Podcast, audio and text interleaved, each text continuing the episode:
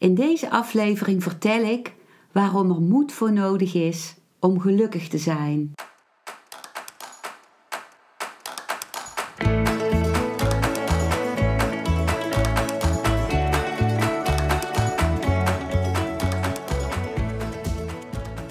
Welkom bij een nieuwe aflevering van Modita's podcast Van Pijn naar Zijn. De podcast waarin ik je meeneem voorbij de pijn in je leven naar wie je diep van binnen bent. Hoe kun je beter omgaan met je gevoelens? Hoe vind je rust in je hoofd? Wat zit er precies achter je pijn? En vooral, hoe kun je steeds meer jezelf zijn? Adem eens diep in en uit.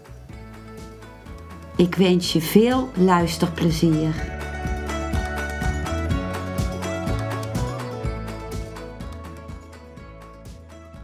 Het lijkt alsof het alleen maar moedig is om je lijden te dragen. En of voor gelukkig zijn geen moed nodig is.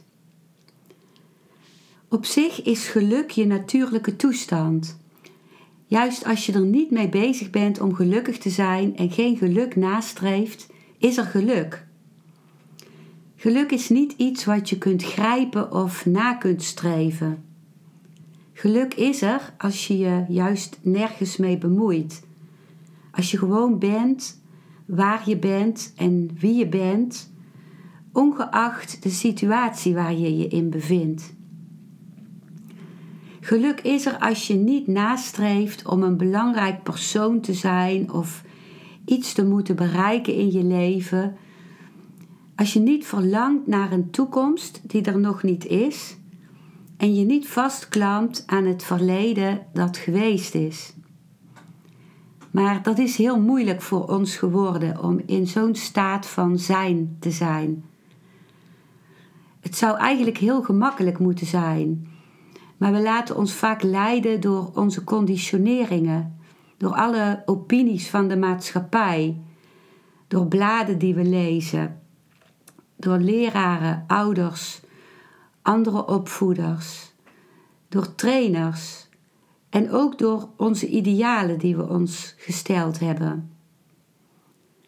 Er is veel moed voor nodig om die conditionering los te kunnen laten, om ook niets te durven doen en alleen maar te zijn, om je eigen weg te gaan, ook als die weg dwars tegen alle verwachtingen van je omgeving ingaat en tegen de verwachtingen in die je aan jezelf hebt gesteld. En waarom is daar moed voor nodig? Omdat je conditioneringen zorgen dat je een verbinding voelt met de belangrijke mensen om je heen. En vaak zijn juist die mensen de mensen die ook verwachtingen van je hebben en je niet toestaan onbewust om jezelf te zijn. Die verwachtingen die ze van je hebben, die horen bij hun eigen leven en helemaal niet bij jou. Het zijn verwachtingen die ze zelf niet waar konden maken en waarvan ze willen dat jij die plaatsvervangend waarmaakt voor hen. Zodat zij het idee hebben dat ze hun ideaal via jou kunnen verwezenlijken, alsnog kunnen verwezenlijken. En wanneer je dan gewoon bent wie je bent, wat een voorwaarde is voor geluk, dan loop je die, de kans om die mensen te verliezen, om los te komen staan van hen. Heel veel mensen keren zich van je af als je je eigen pad volgt. En dat zeg ik uit eigen ervaring. Als je dus helemaal gaat leven wie je zelf bent, betekent dat vaak dat je een aantal contacten die je had kwijtraakt en soms zelfs voor een periode van je leven alle contacten. Even sta je dan heel alleen, omdat nieuwe contacten die ook op je weg gaan komen, omdat deze nieuwe contacten aansluiten bij de weg die jij nu voor jezelf gaat, er nog niet zijn. Ik ben ook dankbaar voor de prachtige contacten die voor oude contacten in de plaats zijn gekomen. Als je gelukkig wilt zijn, betekent dat dus ook dat je de moed moet hebben om alleen te durven staan. Mijn spirituele meester Osho zei eens: Als je je nek uitsteekt, heb je echte vrienden en echte vijanden. Als iemand mij nu vijandig gezind is, dan denk ik: Oké, ik neem dit aan. Dit is de consequentie van het feit dat ik mijn eigen weg ga.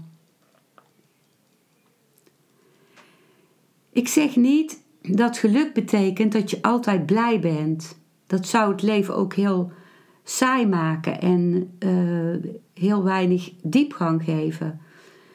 Geluk is voor mij levend zijn, in verbinding staan, ervaren wat er te, te ervaren is. Voelen dat ik ben, met mijn pijn kunnen zijn en met mijn vreugde kunnen zijn en met alles wat daartussenin zit. En ook met de kleuren, alle kleuren en geuren en uh, geluiden en um, om in verbinding te staan met voelen en met de stilte in mezelf.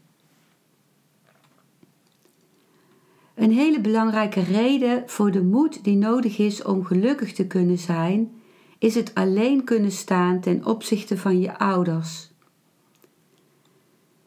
En dat wil niet zeggen dat je niet uh, verbonden bent met hen, maar ik bedoel alleen uh, kunnen staan in ook iets anders durven te doen dan wat zij gedaan hebben. Heel veel ouders zijn diep van binnen niet gelukkig. Ze hebben veel onverwerkt verdriet, ze dragen veel ongehuilde tranen en hebben vaak ook hun woede onderdrukt. En als je woede onderdrukt, dan kun je niet in je kracht staan. En een kind voelt dat haar fijn aan.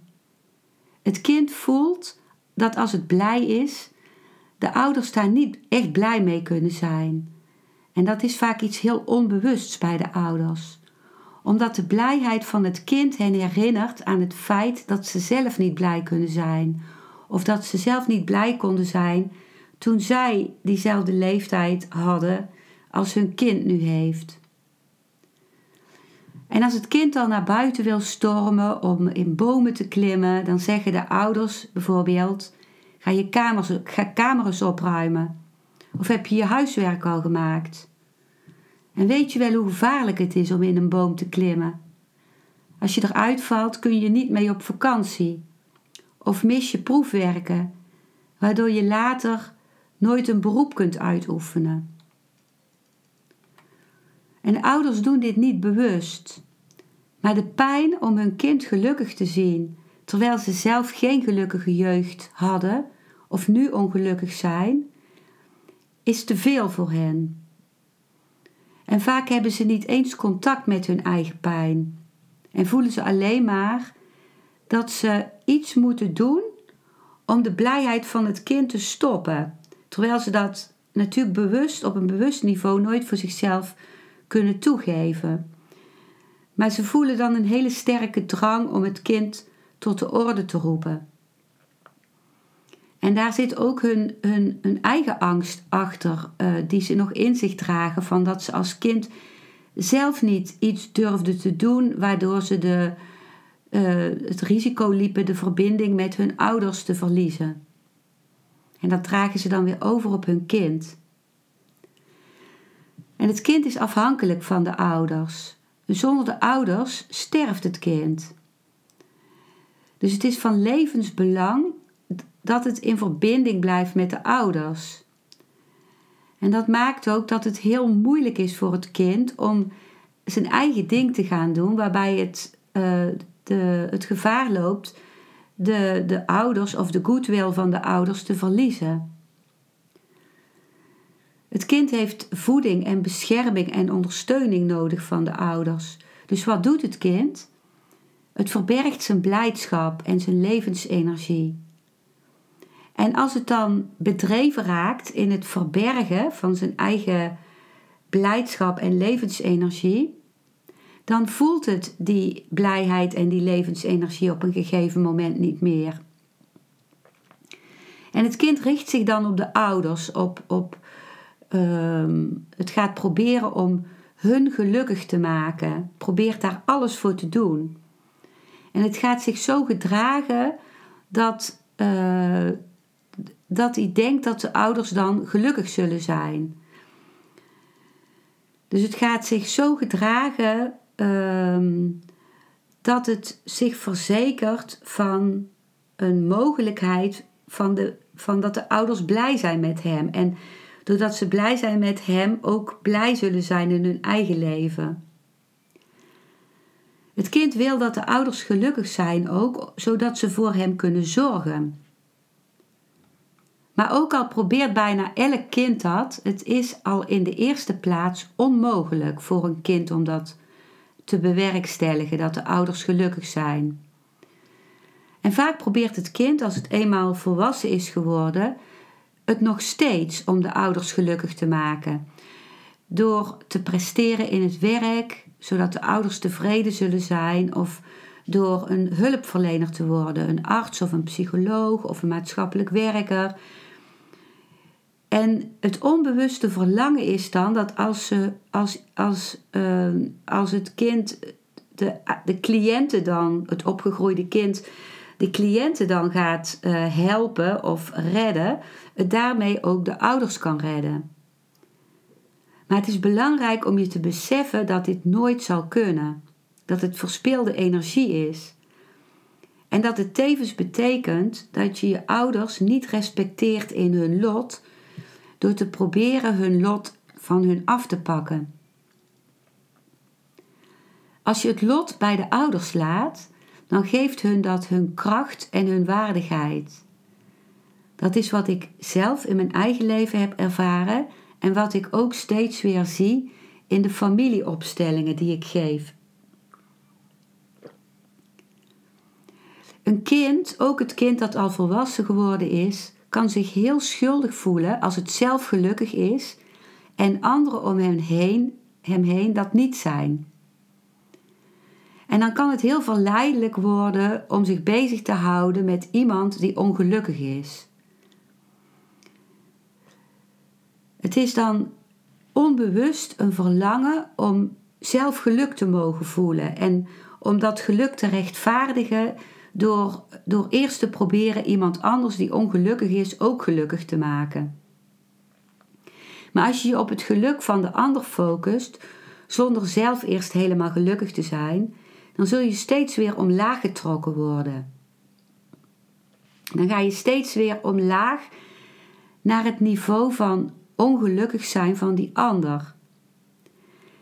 En als je je op, maar als je je op jezelf focust en eerst zelf gelukkig bent, dan geef je vanzelf. Dan hoef je daar verder niks meer van te doen, voor te doen.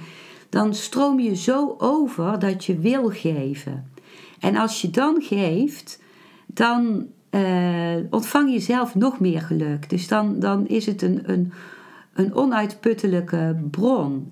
Jij bent gelukkig en je geeft en dat geven maakt jou weer nog meer gelukkig. Maar dat kan alleen als je gaat geven op het moment dat je van jezelf kunt houden en zelf gelukkig bent. Dan geef je alleen al door wat je uitstraalt, zonder dat je daar bewust iets voor hoeft te doen. Maar mensen die hun eigen ongeluk niet onder ogen willen zien en die niet zelf willen doorvoelen en doorleven alle pijn die in hen verborgen zit, die zullen vaak jaloers zijn om jouw geluk. Het is dan uh, te pijnlijk om jou gelukkig te zien, terwijl ze dat zelf niet zijn. Het is dan ook pijnlijk voor hen dat je hen niet nodig hebt om gelukkig te zijn. Iedereen wil nodig zijn en dat is een natuurlijke behoefte.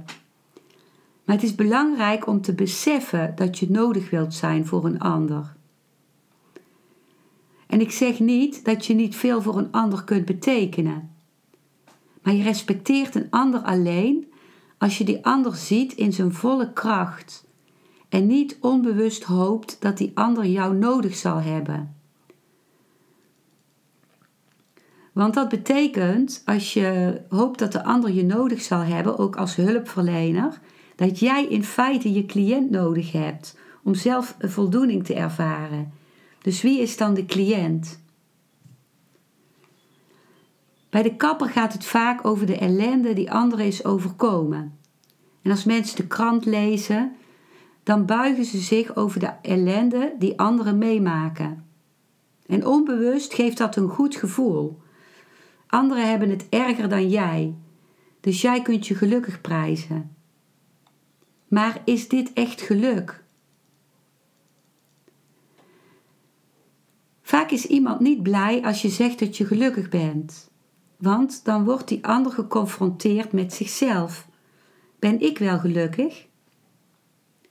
Als ik zei, nadat ik definitief uit mijn depressies was gekomen, dat ik gelukkig was, vroegen mensen bijvoorbeeld: Maar hoe is het met je knie? Heb je daar nog steeds last van?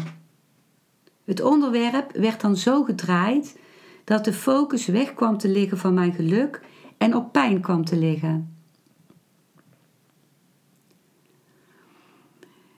Ik zie nu wie de mensen zijn die ik graag om me heen heb. En dat zijn de mensen die blij kunnen zijn met mijn geluk. En ik ervaar dat ik alleen echt contact met iemand kan hebben. Dat het contact alleen echt en waarachtig is. Als ik echt blij kan zijn met het geluk van een ander. En dat kan ik alleen als ik zelf gelukkig ben. Toen ik depressief was, toen wilde ik eigenlijk alleen maar uh, horen van mensen wat ze moeilijk vonden. En in contact zijn met mensen die het ook niet zagen zitten. En in feite ehm, ja, bleef ik dan in een omgeving van ongelukkig zijn, weinig energie en uh, somberheid.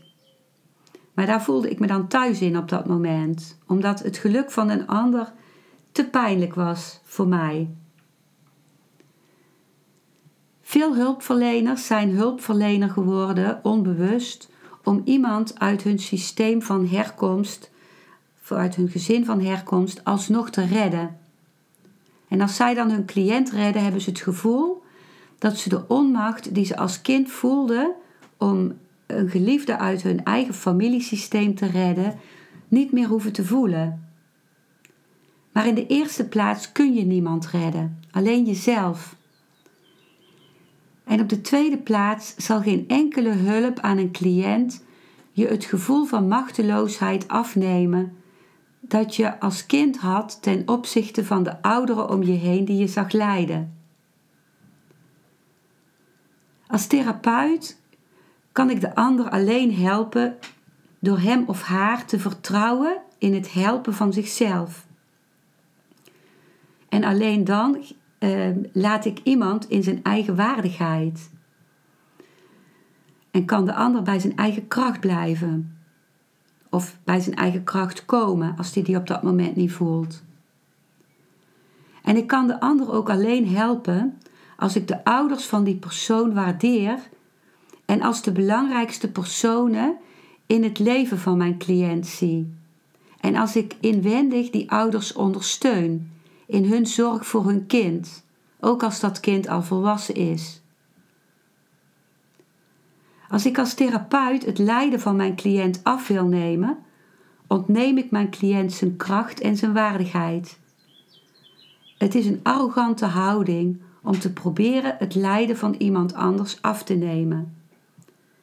En dat wil niet zeggen dat je niet kunt meeleven met een ander en naast iemand kunt staan. Ik heb zelf ervaren dat in mijn lijden mijn kracht verborgen zat. En dat ik alleen door er zelf uit te komen die kracht tot ontplooiing heb kunnen brengen. Ik heb ervaren dat ik alleen gelukkig kan zijn als ik de moed heb alleen te kunnen staan. Als ik bij mezelf kan blijven en van mezelf hou. Ook als mensen mijn geluk niet kunnen verdragen of afkeuren wat ik doe. En ik heb ervaren dat als ik alleen kan staan, ik dan ook juist verbonden ben met alles om me heen. Alleen is opgebouwd uh, met de, woor van de woorden al en één. Dus één met al, één met alles. Alleen durven staan en gelukkig zijn zijn onlosmakelijk met elkaar verbonden. Dit was wat ik op dit moment over dit onderwerp wil zeggen. Dankjewel voor het luisteren naar deze aflevering. Ik hoop dat hij je een nieuw inzicht of perspectief heeft gegeven. Ik hou van interactie, dus als je iets wilt delen, stuur me dan een mailtje op info.genietenvanmeditatie.nl. Ik geef je dan altijd antwoord. Ik wens jou dat je vreugde in het dagelijks leven zult ervaren en innerlijke rust. En dat je steeds meer je pijn zult kunnen omvormen in zijn. Je kunt de afleveringen van deze podcast volgen via Spotify, Google Podcast, Apple Podcast en Podbean door op de volg- of abonneerknop te klikken. Als je luistert via de Apple Podcast, dat kan alleen als je een iPhone hebt, heb je een extra voordeel. Omdat als je op de knop abonneren klikt, je steeds een berichtje op je mobiele telefoon ontvangt als er weer een volgende aflevering van mijn podcast verschijnt. Je bent van harte welkom bij die volgende aflevering.